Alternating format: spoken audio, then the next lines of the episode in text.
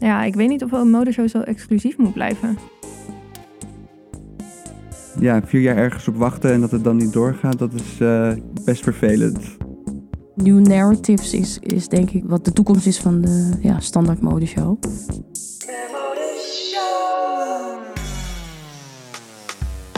Welkom bij de Modeshow, een podcast over mode. Mijn naam is Georgette Koning, ik ben modejournalist. Mode verbaast mij al zo'n 25 jaar.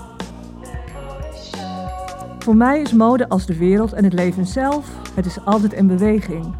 Het belangrijkste aan mode vind ik dat het altijd voortkomt uit hoe wij de wereld beleven. In deze podcast probeer ik met diverse modemakers ontwikkelingen in de fashion-industrie te duiden. In deze aflevering praat ik met drie gasten over het fenomeen modeshow. Ha, weet je nog, een modeshow. Mensen die onmogelijk dicht op elkaar gepakt langs de catwalk zaten. Door de coronapandemie, maar zeker ook door ontwikkelingen op het gebied van duurzaamheid en digitalisering, is de modeshow als onderdeel van de mode-industrie flink onder druk komen te staan. Wat ik mij nu afvraag, hoe groot is op den duur het gevolg op de mode-industrie als digitale presentaties de toon blijven zetten maken democratische livestreams, dure mini-modefilms en het oprukkende gamification, oftewel het toepassen van game-denken en game-technieken in een digitale modeomgeving, in één klap de modeshows hopeloos achterhaald, ouderwets? Wordt ons oordeel dat we vellen over een digitale show opeens belangrijker dan de geshowde kleding? Ik praat hierover met Nimo Cheminé, vers afgestudeerd aan Artes Fashion Design Arnhem welkom. Dankjewel, hi. en uh, Marjan Duff, oprichter van OSCAM. Dat staat voor Open Space Contemporary Art Museum. Dat zich richt op mode, kunst en crafts. Welkom. Yes, thank you. en ik begin het uh, gesprek met uh, Chinook Philippe de Miranda. Zij is onderzoeker digitale modecultuur. Welkom. Ja, dankjewel. Uh, Chinook, uh, in 2019 haalde je een Artist Master in Fashion strategie. En je doel was destijds manieren te introduceren om het modesysteem, waar al jarenlang veel kritiek op is, te veranderen. Wat was destijds jouw conclusie? Ik heb me destijds gefocust op de manier hoe mode zich online beweegt. Um, omdat de mode steeds meer digitaliseerde, maar er binnen de master en de industrie eigenlijk stiekem nog best wel vastgehouden werd aan um, of daar het eigenlijk tegengewerkt werd. En ik ben gaan kijken hoe mode communiceert met de consument door middel van de online omgeving. En mijn conclusie, algehele conclusie uit mijn onderzoek destijds was dat de mode-industrie algoritmes gebruikt als mystificatietool om consumenten koopgedachten te beïnvloeden. Hm. En dat gebeurt vaak of via platforms die al gebruikt worden door gebruikers van digitale media. Dus bijvoorbeeld ja. een Instagram, een Facebook, een Snapchat. Ja. En uh, over jouw werk als uh, researcher digitale cultuur uh, analyseer je de crossover tussen het modesysteem en de digitale cultuur. En je legt hierbij een focus op de introductie van digitale geletterdheid in de mode. Ja.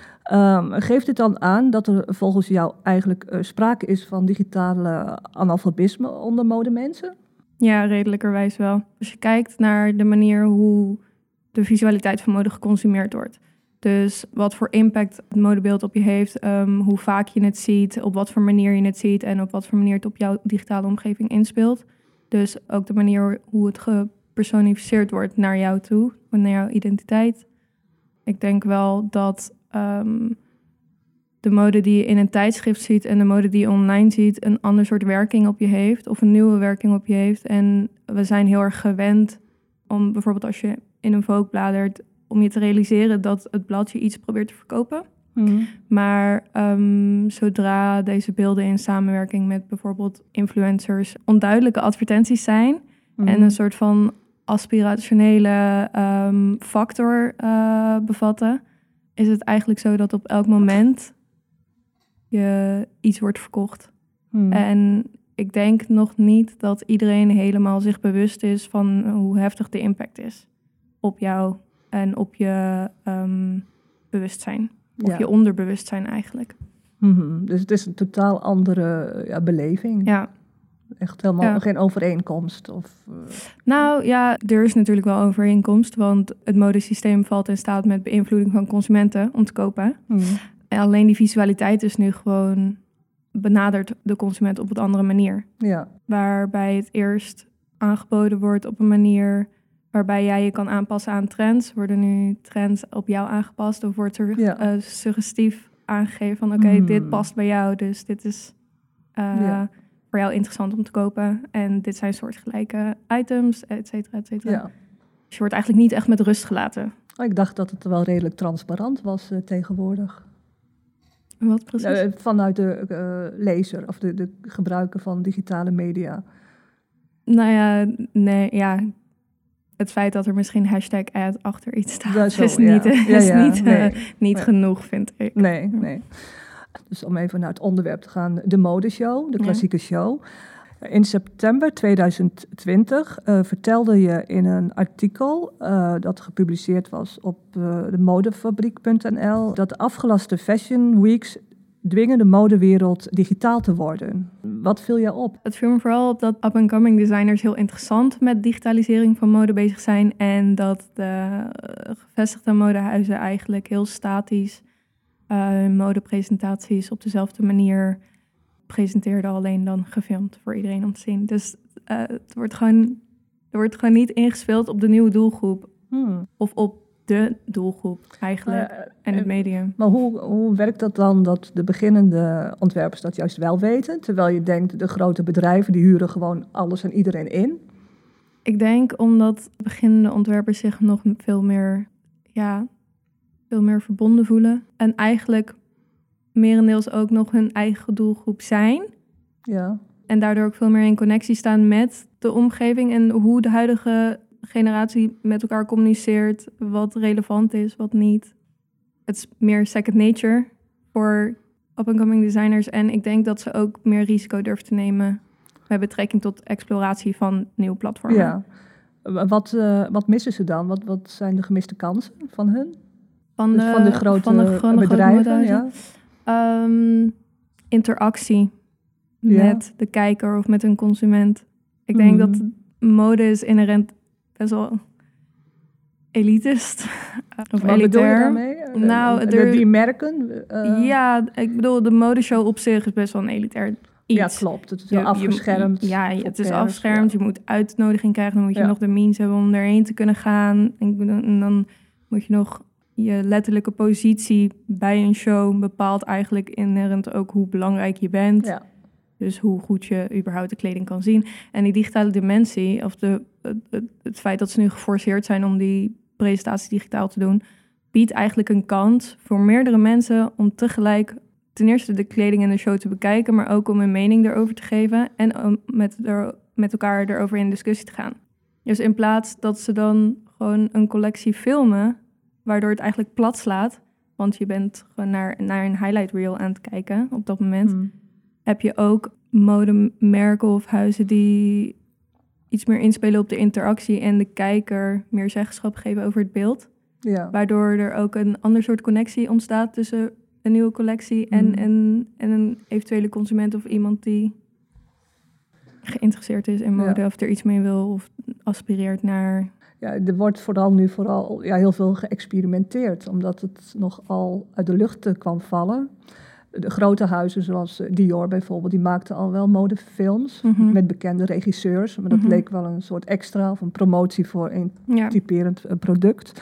Ehm, dus toen, ja, vorig jaar, dus 2020, eh, eigenlijk was de London Fashion Week de eerste week die helemaal digitaal ging. Mhm. En volgens insiders was dat best een fiasco. Omdat ook, denk ik, eh, omdat het allemaal op hele korte termijn werd georganiseerd. Ja. En eh, ja, los daarvan, eh, van die week, eh, toen kwam er ook een, een show, op Instagram een filmpje voorbij van een 3D catwalk show van een totaal onbekend Congolese merk. Dat ging viral. En we zagen wandelende outfits, dus zonder modellen.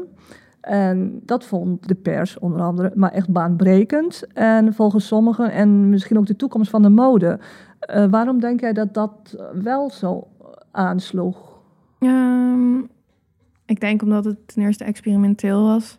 Mhm. En het laat een nieuwe tactiliteit zien van mode. Ik denk dat... Ja, dat is interessant Ja, wat je zegt, ja, die iets- tactiliteit. ja. Hè? Want eh, mode gaat over materiaal, over stof. En Ja. tijdens een digitale show heb je daar geen weet van. Nee, En wordt eraan gewerkt om iets te verduidelijken. Van nu dat de, de, de kijker een indruk heeft van, oh, dat is wol of Ehm, zo. Ik denk dat er nog niet zo heel erg op wordt ingespeeld, omdat heel veel modehuizen nog aan het bedenken zijn hoe ze dit überhaupt moeten aanpakken. Dus je ziet een, een, eigenlijk een tweedeling tussen modehuizen die inzetten op het eh, creëren van een, een scène of een scenery. Dus Ja. een, een, een, net als een Dior, dus een film ehm, met alle capriolen daaraan Ja. toe eh, neerzetten. En je hebt modehuizen die zich focussen op product. Ja. En ehm, een voorbeeld is de Kite eh, Spring Summer 2021 AR Experience. Waarbij je eigenlijk online als consument, iedereen kon online op hun site. En dan kon je alle producten aanklikken. En dat werd dan een soort van VR-sessie. waarbij je ehm, ik gewoon met, op mijn telefoon een schoen in mijn eigen ruimte kon, op, erop kon inzoomen, kon hem omdraaien, kon, kon hem van dichtbij bekijken. Dus kon de tactiliteit en waar het van gemaakt was, kon ik zien. Hmm. Ehm, maar dat wordt dan eigenlijk bijna meer een, ja, een, een preview, eh, hoe- ja, zo een, een, een presentation ja. in vergelijking met een modeshow. Maar was dat artikel ook meteen te koop? Ja. Oh, ja. Ja. Hmm. Dat is natuurlijk eh, jaren geleden al geprobeerd door Burberry, die Ja. dat deed. Ook alweer tien jaar terug, denk ik. Ja. Wat niet aansloeg. Nee. Eh, dus dat is... Ik denk wel dat we nu sneller geneigd zijn om wat we zien digitaal direct willen kopen, omdat de mogelijkheid eigenlijk zo normaal is Ja, geworden nu ja, ja, om gewoon te klikken en te kopen direct. Dus en dan wat je noemt is een heel, heel duidelijk punt waar eh, ontwerpers aan moeten denken. Of, of modehuizen nu. Ja, nou ja, in, als, ja. als, ze, als ze direct willen verkopen, dan, is, dan, dan bestaat die mogelijkheid er. Ja. Ik weet niet of dat ehm, de ultieme vorm is van een nieuwe, Nee. een nieuwe Nee. modeshow, hoor. Maar het is een interessante ontwikkeling die bijvoorbeeld een Fendi of een Louis Vuitton afgelopen couture week niet heeft aangegrepen. Mhm, ja. Je ziet daar gewoon nog steeds eigenlijk een lege catwalk die gefilmd wordt met ja, modellen. Een live, ja, livestreams ja, eigenlijk. ja, een livestream. En Prada die heeft dan nog een soort van conversatie-idee Mhm. daarachter aangeplakt. Ja. Van, oké, nu Ja. gaan we in discussie, nu betrekken we het publiek. Maar ook dat is best wel plat. Maar niet, en ook niet met een commerciële insteek Nee. was dat. Nee. Ja. En ehm, ik noemde net al dat eh, gamification. Ik denk Mhm. dat, dat, eh, dat jij daar ook op doelt. Ehm dus Balenciaga die onlangs, eh, hoe heet het ook weer, Afterworld, The Age of Tomorrow presenteerde. Ja. Met spelers die uitgenodigd werden om te navigeren door een fantasielandschap. En niet zo lang geleden lanceerde Gucci met de North Face en ehm, eh, met Poke- Pokémon, dus Mhm. een, een collectie. Ja. Dus eh, de- Ja, zou dat dan echt gericht zijn op een specifieke doelgroep? Dat, dat die luxe merken daar denk van nee, dat- Nou, ik denk dat het te maken heeft met de manier hoe mensen zich online presenteren. En ehm, het feit dat je misschien die mode in, in, in het echte leven daar niet het budget voor hebt om het te kopen, betekent niet dat je betekent dat je op deze manier dus door middel van gamification nog wel deel uit kan maken voor, van het merk en ook iets kan representeren. Net als dat bijvoorbeeld de Sims samen met Jeremy Scott ja. een additional wardrobe eh, in heeft gezet. En die kon je dan voor 10 dollar kon je die kopen. En dan als je kon je je Sims aankleden in Jeremy Scott Online. Mhm, ja. Ehm, maar dat is natuurlijk een game die je samen met anderen kan spelen. En je, je zit achter je scherm, je speelt je leven online. Dus je wil op een of andere manier toch dat die online omgeving jou representeert zoals je zou willen in Mhm. real life. Ook al kan dat misschien niet. En ik vind het wel interessant dat als het feit dat merken daarop inzetten. Want het is niet iets tactiels, maar het heeft wel heel erg te maken met de identificatie van personen middels een bepaald merk. ja. Je merkt een beetje dat het ehm, binnen een bepaalde doelgroep, een, eigenlijk binnen een bepaalde leeftijdscategorie ook gewoon niet werd begrepen en door de andere, Ja. andere gedeelte wel werd begrepen. Dus daarin zie je eigenlijk ook al die ehm, tweedeling in Ja. digitalisering of de mensen die behoefte hebben aan digitalisering van mode. Ja, dus de cijfers die zijn er. En Ja. nu nog de goede interpretatie daarvan. Ja, ja, Ja, ik denk het wel. Ehm, ik denk dat het gewoon hoog nodig is voor merken om te bedenken wat bij een bepaalde tijd past. Qua presentatie, maar ook qua interactie. Ik denk dat mensen zich nu heel erg bewust zijn van mode. En het feit dat er überhaupt een modesysteem is. Hm. En mensen willen sustainability en transparantie, et cetera, et cetera. Dus ik denk dat de, de, de verandering van de vorm van mode ehm, ten goede zou zijn van Ja. de zeggenschap van de consument. ja, het is wel een moment nu. Ja. En ja, online is een fantastisch experiment natuurlijk. Hè? Ja. Maar ja, online only, tot nu toe heeft het nog niet eh, dezelfde opwinding gecreëerd als een live show, denk ik. Eh, mensen, vooral de influencers waar veel mee wordt gewerkt, die zijn natuurlijk hongerig naar een zekere content. Ehm, al dan niet exclusief. Eh, hoe kan dat probleem ondervangen worden, denk je? Wat bedoel je precies? Nou, als er een live show is, dan zitten er influencers bij. Ja, dat, hoe je het went of keert, die zijn toch heel belangrijk. Eh, die, Mhm. die laten zien waar ze zijn. En eh, daar wordt een bereik mee gehaald. En mensen gaan het wel doorontwikkelen. En Ja. dat het wel een, eh, een goed alternatief is. Ja, ik weet niet of een modeshow zo exclusief moet blijven. Ja, dat is altijd de basis van een show, hè? Ja, maar ik weet niet of dat nog heel erg bij deze bij een nieuwe doelgroep past van mode. Hmm. Dat vraag ik me een beetje Ja. af van in, welke richting zich dat uitbeweegt. Ja, ik had zelf het idee toen eh, die pandemie kwam... dat het allemaal heel eh, exclusief zou worden juist. Heel, nog heel klein en gesloten. En, eh, maar het is juist allemaal opengegooid Ja. met livestreams. Ja. Dus ja, Ja, ik vind dat juist wel. Ik denk dat het de goede richting uitbeweegt. Wat dat ja, betreft. ja, zeker. Dat, dat inclusiever. Ja, ja. ja. Ja. Goed, ik ben eh, heel benieuwd eh, wat de volgende gast, eh Marjan Duff, eh, hierover te zeggen heeft. Ik zei al, Marjan is oprichter van Oscam. En twaalf jaar geleden bedacht je MAF-B, een, een platform voor jong modetalent met internationale modesamenwerking in Suriname en in Franse Guyana. En ja, als spin in het modeweb ontwikkel je als curator ook educatieve programma's, onder andere in opdracht met musea. Ehm, even terug naar eh, twaalf jaar geleden. Eh, wat was jouw drijfveer eh, om modetalent onder de aandacht te brengen? Ehm, ja, letterlijk voor en achter de schermen zorgen voor meer stemmigheid. Dus ehm, ervoor te zorgen dat er een inclusievere omgeving ontstaat. En ik was toen naar een eh, Fashion Week geweest. Helemaal happy the peppy, front row. Want dat kon toen nog. En ik was helemaal... oh, De. Amsterdam Fashion Week? Amsterdam Fashion Week. en ik was naar een show geweest van een eh spijkerbroekenmerk... waar ik heel veel van had verwacht. En toen eh, zag ik op de catwalk allemaal dezelfde soort modellen. En toen kreeg ik ook nog gelegenheid om achter de schermen te kijken. En toen zag ik ook allemaal mensen die heel erg op elkaar leken.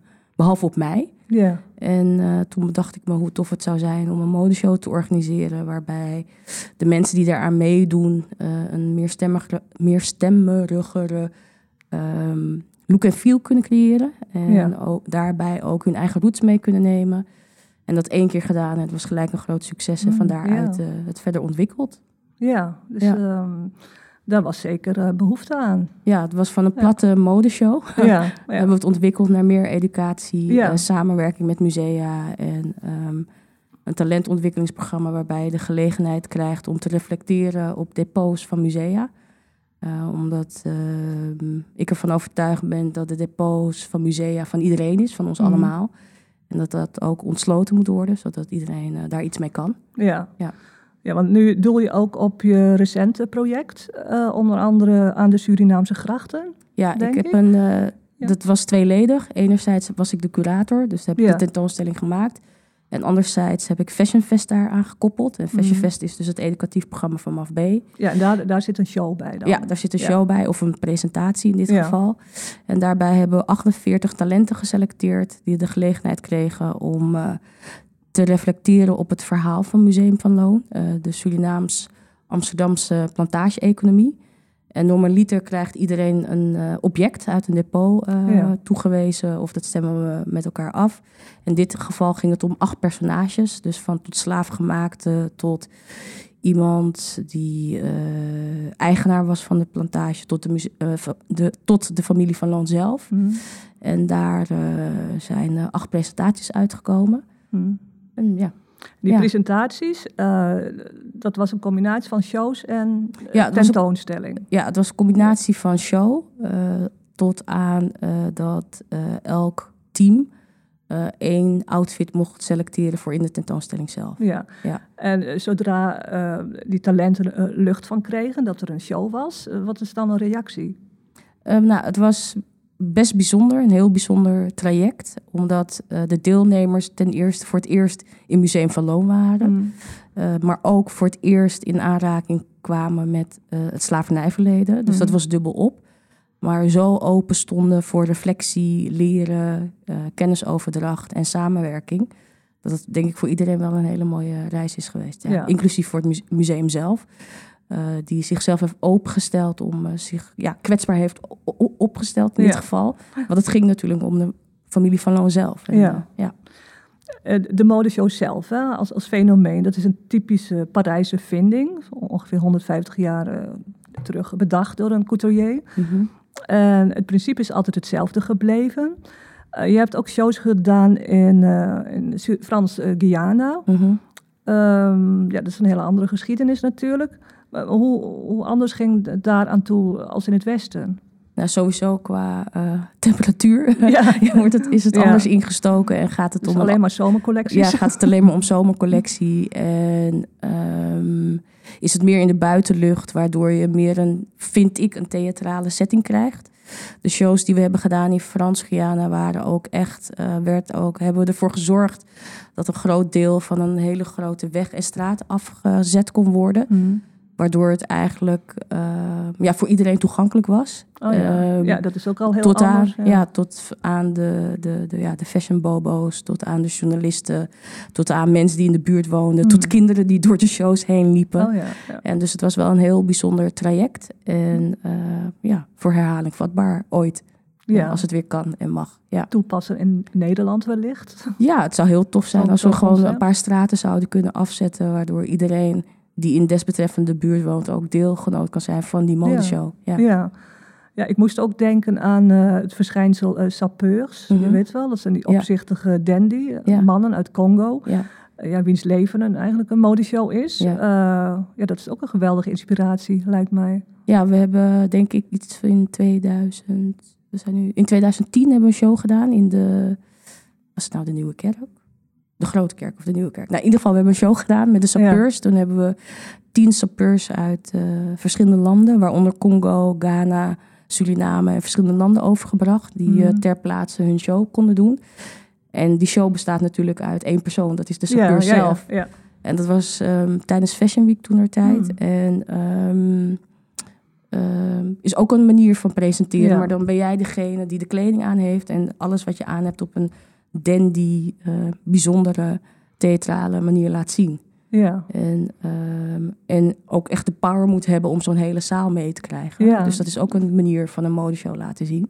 Ja, dat is, En ehm, ja. het gaat echt om de persoonlijkheid van iemand. ja, het gaat om de die- persoonlijkheid en de kleding. Ja, dat, Ja. persoonlijkheid is wat Ja. minder eh, sprake van bij de klassieke show. Ja, dat vind ik sowieso. Ja. Maar goed. ja. ja. Nou, je hebt nou, ik weet niet, ontelbare shows georganiseerd volgens mij. Blijft het voor jou een belangrijk middel? Het, het voordeel is natuurlijk, eh, reuring is wel gegarandeerd. En iedereen die wil er naartoe. Er is altijd die magie rond een show. Eigenlijk maakt niet uit wat. Als er een uitnodiging komt van een show, dan Ja, wil je daarbij eh, zijn? wil je erbij zijn. Ja, klopt. En, maar ja, je bent er al heel vaak bij geweest. Ja, klopt. Wat, wat eh, blijft die kracht of heb je zelf zoiets van... Ik denk dat de kracht van presentatie blijft. Of Ja. het nou online of offline is. Zolang het maar eh, iets spectaculairs met zich meebrengt. Ja. En innovatief is en anders dan anders. Maar de recht toe, recht aan show. Ik denk dat dat eh, meer, dus de echte catwalk show, de runway, Ja, dat dat meer naar de achteren verschuift. hmm, Maar ook als Eh, livestream? Eh, ik denk dat mensen meer op zoek zijn naar meer inhoud dan, eh, dan voorheen. Ik kan niet Mhm. verklaren waarom dat is, maar dat is wat ik om me heen zie vanuit de communities en organisaties met wie ik Ja. samenwerk. Ze willen wat meer dan, eh, Ja, dan iets, ja, gewoon modellen die heen en weer lopen en that's it. ja. Ja. Dus jij denkt al over eh, wat je zou willen gaan doen? Heb je daar een, een voorbeeld? Nou, Fashion Fest hebben we de vorige keer dus in het Museum van Loon gedaan. Ja. was ook een soort van ja, presentatieshow. En ik zou binnen het Fashion Fest programma, dus van MAFB, zou ik heel graag ehm, de, de mogelijkheden rondom presentatievormen willen ehm, onderzoeken. En hoe je ervoor kan zorgen waardoor dat er toch nog magie eh, blijft bestaan. Hmm. En dat mensen er nog steeds eh, bij willen zijn. En dat je toch nog een soort van ehm, ja, een happening ervan kan maken. Maar Ja. wel met inhoud en reflectie Ja. en eh, meerstemmigheid. Maar qua vormgeving, heb je een bepaald idee in je hoofd? Nou, we willen sowieso gaan werken met decors. Dus dat je elke show een decor hebt. Zodat je ook eigenlijk eh, meerdere mensen aan het werk kan zetten en houden. En vooral in deze tijd is dat heel erg belangrijk. Ehm, los van de modellen, de haarstylist, de make-up artiest, de, degene die de catwalk doet. Ehm, zodat je daarmee, dat je decor onderdeel wordt van je presentatie. Hmm. Ja, en dat het past bij een thema. Ja, en dat past altijd bij een thema of een depot of een museum of, Ja, of dus dat vergt wel voor een ontwerper eh, anders eh, denken natuurlijk. Ja, en ik denk Eh, dat je verschillende ontwerpdisciplines bij elkaar kan brengen. Dus niet alleen Mhm. de, de designer van de kleding, ja. maar ook de decorbouwer. Hmm. En Ja. een beauty-artiest is ook een designer, want Ja. die, die moet natuurlijk met het gezicht, eh, is ook ja. vormgeving. Dus eigenlijk wat je zegt, meerdere vormen van vormgeving, dat je die naar elkaar toe brengt. Ja, dus ik kan niet wachten tot deze Ja, ja, pandemie voorbij is. ja dat Ja. sowieso. En, mm, en welke les, eh, je hebt heel veel gedaan, welke les kunnen ontwerpers trekken uit eh, wat jij allemaal hebt gezien op het vlak van shows?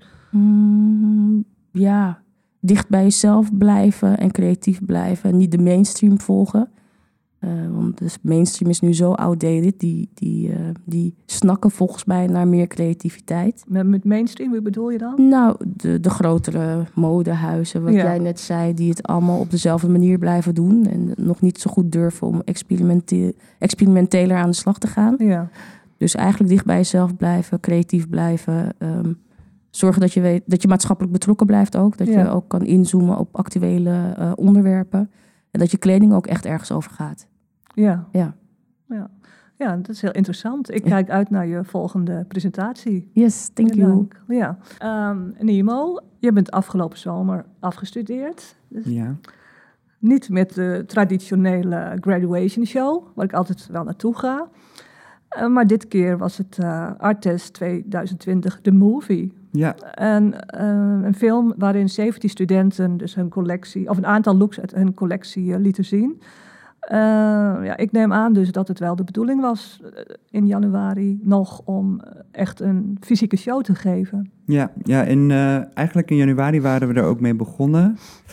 We waren eigenlijk wel aan het kijken ehm, op wat voor manier die show nog ging, wat, in wat voor vorm die show nog zou hebben. Want we, wa- Ja. we waren wel als klas het erover eens dat het niet een standaard modeshow ehm, moest zijn. Want, want hoe, leg even uit hoe het normaal, normaal dan gaat in Arnhem. Ehm, nou, normaal gesproken heb je dus alle afgestudeerden die hebben een collectie gemaakt. Ehm, de hele afdeling helpt.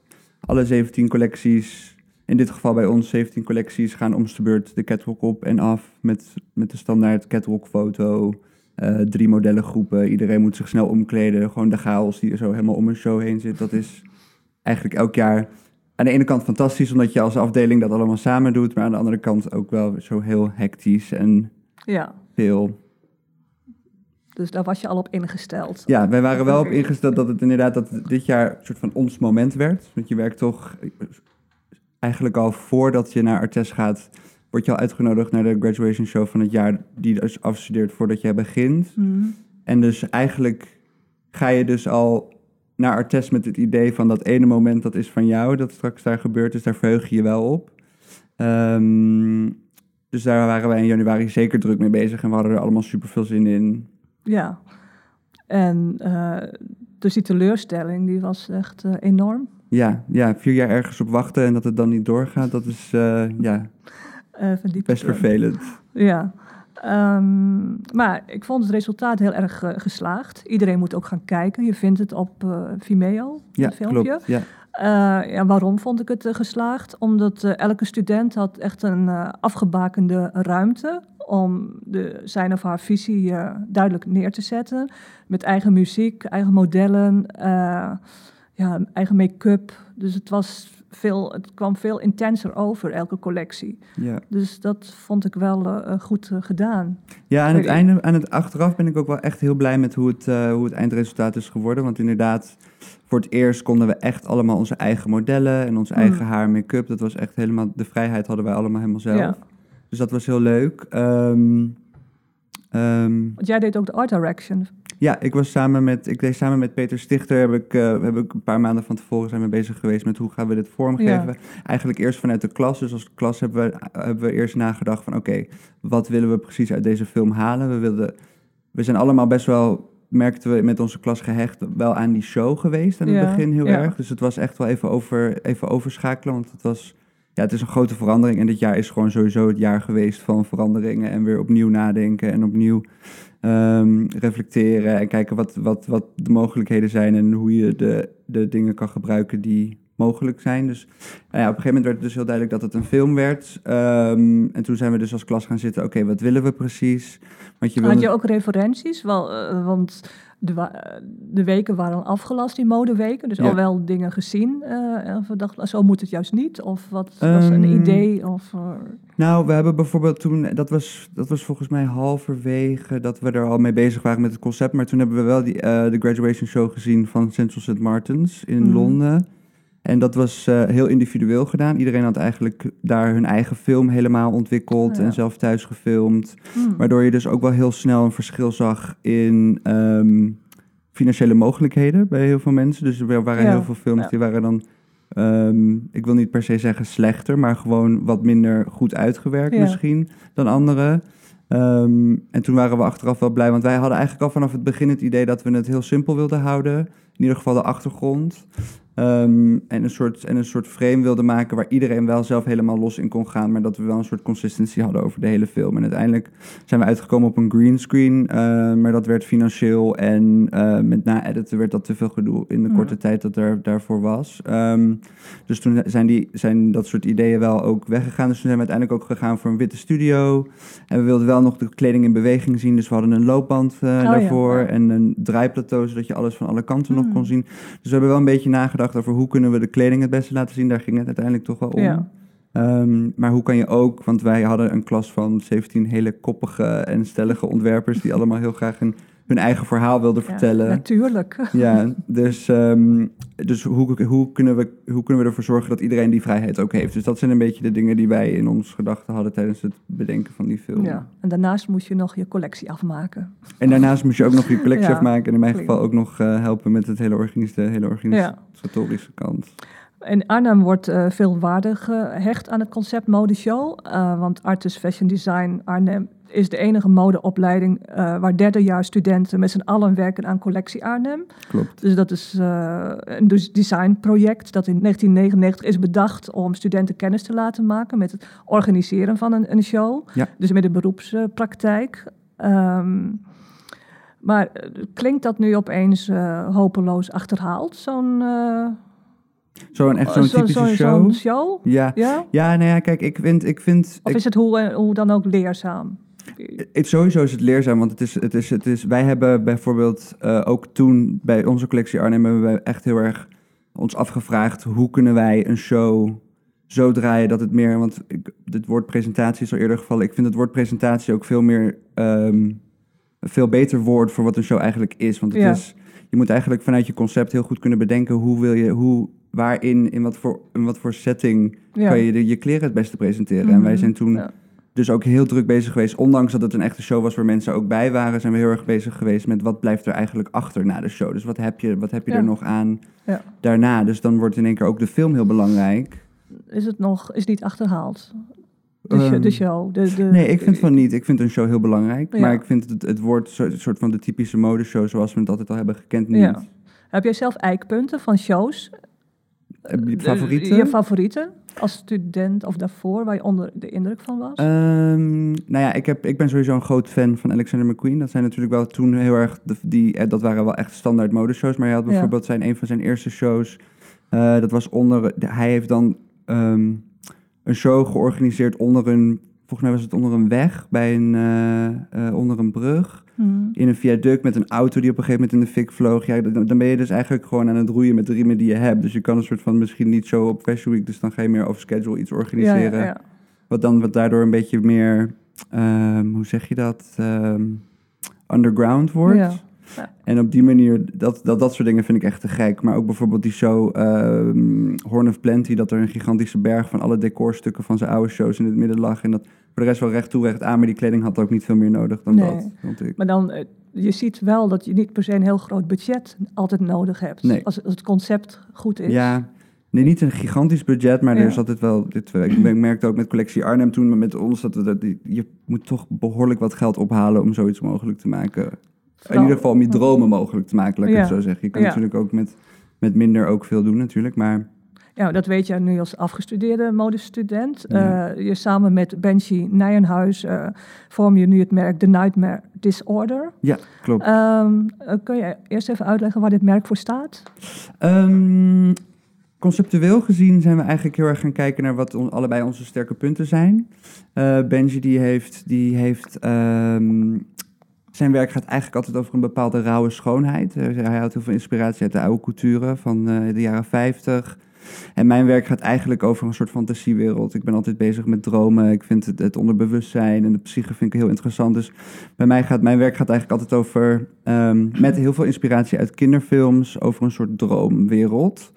Ehm, dus in dat, in dat, in dat eh, aspect zijn we allebei heel erg storytellers. Dus we vinden het allebei heel belangrijk Mhm. om echt een verhaal te vertellen. Dat hoeft niet per se bij ons ehm, ehm, heel zwaar maatschappelijk te zijn. Maar het is ook gewoon lol hebben, eigenlijk, Ja. als het ware. Dus eh, ik, we bedenken iets en we werken dat uit. Ehm, en de Nightmare Disorder, wij, wij, wij zijn wel heel erg eh, gevestigd op de ambacht van kleding. Want dat is toch uiteindelijk waar we voor gestudeerd hebben. Ja. Het maken van kleding. Dus daar gaat, on, gaat, veel van onze aandacht naartoe. En het vertellen van een verhaal. Dus de Ja. storytelling, storytelling en de Ja. ambacht. En jullie zijn geselecteerd voor Fashion Clash. Dat is een Ja, event wat elk jaar in Maastricht is Ja. voor, voor jong talent. En nu sta je weer voor een eh, dilemma. Nou ja, Nou, er is geen show, dus eh, nee. hoe lossen jullie dat op? Nou, dat is toevallig afgelopen weekend hebben we de opnames daarvoor gehad. Dat is dus ook een film. Dat wordt dus een, eh, een online festival. Dus er zijn verschillende zalen waar je dan online volgens mij kan, in, eh, kan, Oh, in- kan, kan gaan kijken. Ja, Ehm, en wij waren aan het begin ook wel een beetje dat we dachten: oh, oké, moeten we gaan we weer dat proces in van een film maken, met, film, met ook een filmmaker samenwerken.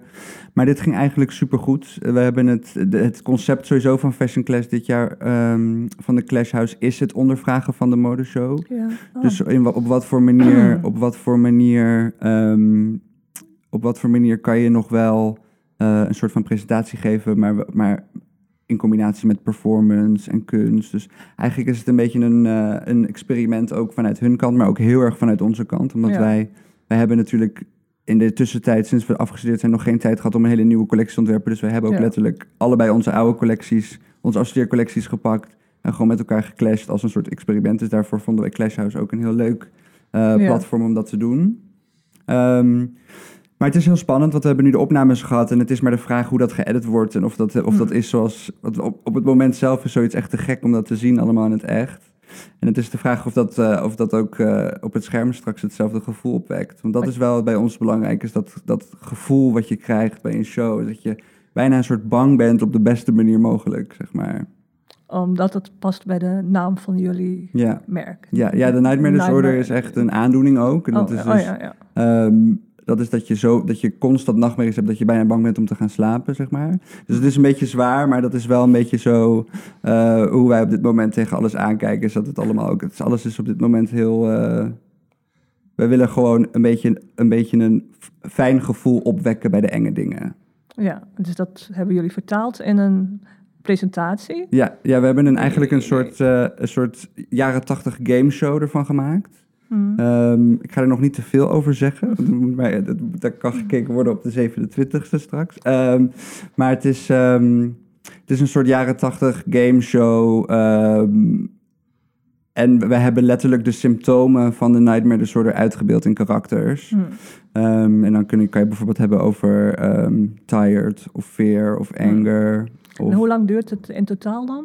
Ehm, zo'n- volgens mij is het iets van rond de zeven minuten zal het zo'n showtje duren. Oh, ja, dat is... We hebben ook speciaal muziek laten maken. Met acteurs hebben we dat ingesproken. En onze, Ja. al onze modellen waren ook acteurs. Het is echt, het was, eh, wij waren echt goed verbaasd over hoe goed het allemaal ging ook. En hoe, nou. hoe snel acteurs dat oppakken. In Ja. vergelijking met modellen. Ja.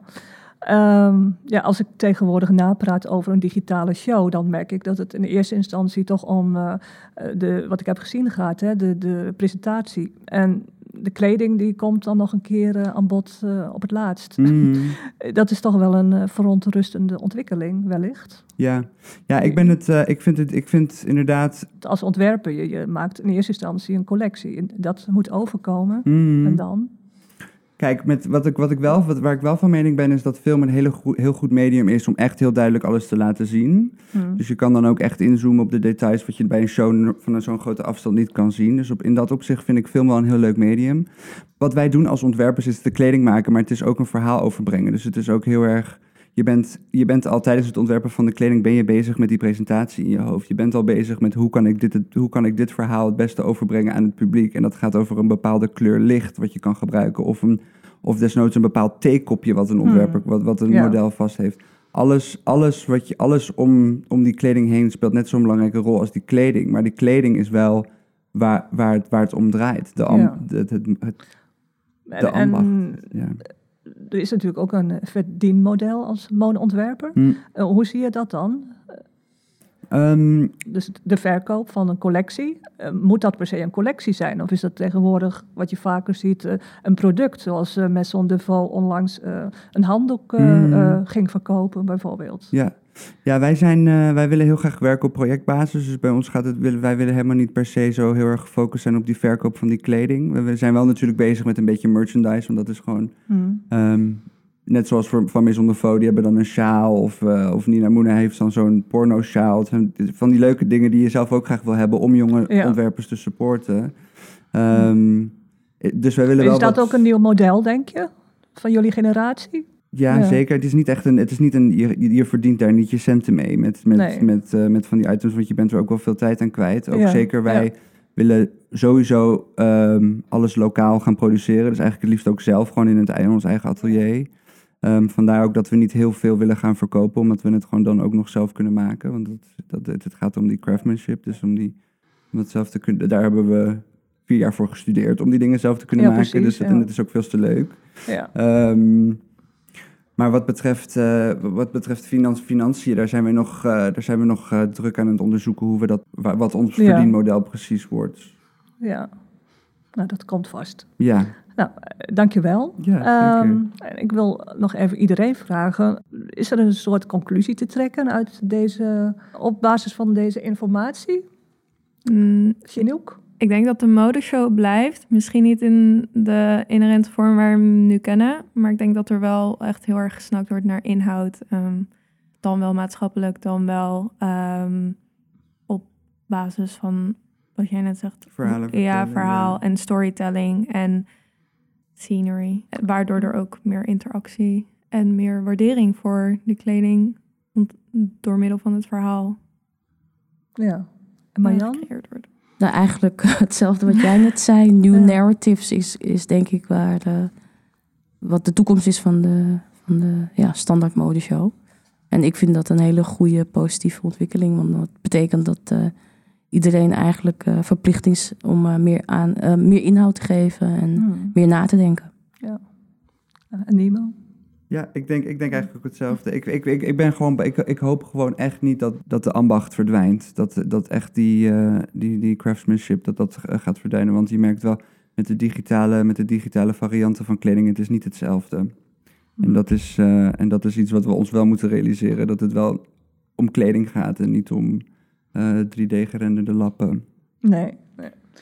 Ja, En omdat product, kijk, het product is zo belangrijk, maar het is ook het verhaal eromheen. Mm, en dat moeten ja. we echt niet verliezen, denk ik. ja. Ik denk dat de digitalisering van mode meer een tool is om die ambacht dichter bij mensen te krijgen. Ja, als het op die manier Ja, gebruikt een soort wordt, van communicatietool om Hmm. mensen, om die mode, die ambacht, tactieler te maken voor een grotere groep mensen. Ja. Waardoor er misschien hopelijk ook een grotere waardering Ja. ontstaat. Ja. Ik hoop dat eh, de mode-industrie ook een flinke push hierdoor krijgt. Al is het, eh, het is ook goed voor duurzaamheid natuurlijk. Eh, veel overbodige kosten gaan gepaard met shows natuurlijk, wereldwijd. En, maar ja, aan de andere kant moet ik ook zeggen, door al die stroom aan digitale uitingen die ik nu heb gezien, verlang ik ook wel echt naar een fysieke show zo nu en dan natuurlijk. Hè. Maar ehm, ja, de toekomst is een uitdaging, eh, blijft een uitdaging op dit gebied voor, voor jullie alle drie, denk ik. Ja. Nou, bedankt. Yes, jij Ja. bedankt. Ja. Luisteraars, dank voor de aandacht. Informatie over deze podcast, maar ook over de komende mode-exposities en modeshows kun je vinden op demodeshow.nl. Volg ons ook op Instagram via de.modeshow. Deze podcast is opgenomen in de podcastwerkplaats van de Tolhuistuin in Amsterdam-Noord. De tune werd gemaakt door jingleman Lucas de Gier. Abonneer je op de Modeshow podcast via je podcast-app. Tof interview. Jullie zijn echt eh, tof. Ja, ik was echt geboeid aan het luisteren naar jullie alle twee. Dus als ik zo helemaal in jullie...